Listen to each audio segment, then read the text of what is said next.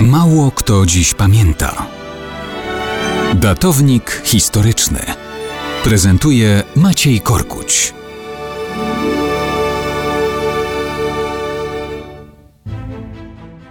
Oj, mało kto dziś pamięta o takich rocznicach jak uwolnienie spod sowieckiej władzy miasteczka Ejszyszki w nocy z 6 na 7 grudnia 1944 roku. Coraz mniej ludzi w ogóle pamięta o Polakach i pięknych pagórkach leśnych i łąkach zielonych Wileńszczyzny i Nowogródczyzny.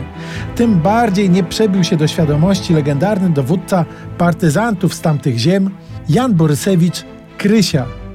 To harcerz i nauczyciel, który postanowił wstąpić do służby stałej w Wojsku Polskim. Bronił ojczyzny w 1939 roku. Potem próbuje przedrzeć się do armii na zachodzie, ale na granicy wpada w łapy NKWD. Ucieka z konwoju. W rodzinnych stronach wstępuje w szeregi ZWZ AK. Organizuje pod własnym dowództwem oddział partyzancki Armii Krajowej.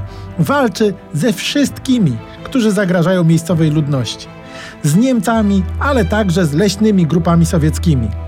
Te w 1943 roku otrzymały rozkaz niszczenia polskich legionów, jak mówili o Armii Krajowej. Ciągu kilkunastu miesięcy jego oddziały przeprowadzają niemal 100 akcji zbrojnych.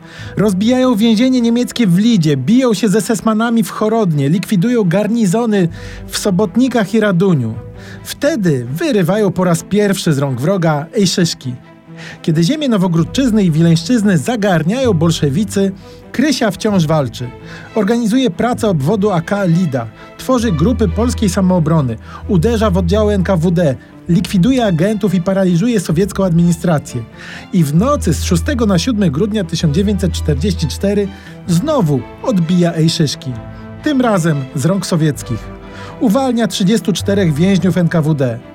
Zanim zginie w walce z Sowietami w styczniu 1945 roku, pewnie nie raz spojrzy na własne życie, którym obdzieliłby ze 300 superbohaterów i wypełniłby scenariusze kilku solidnych seriali o prawdziwej wojnie.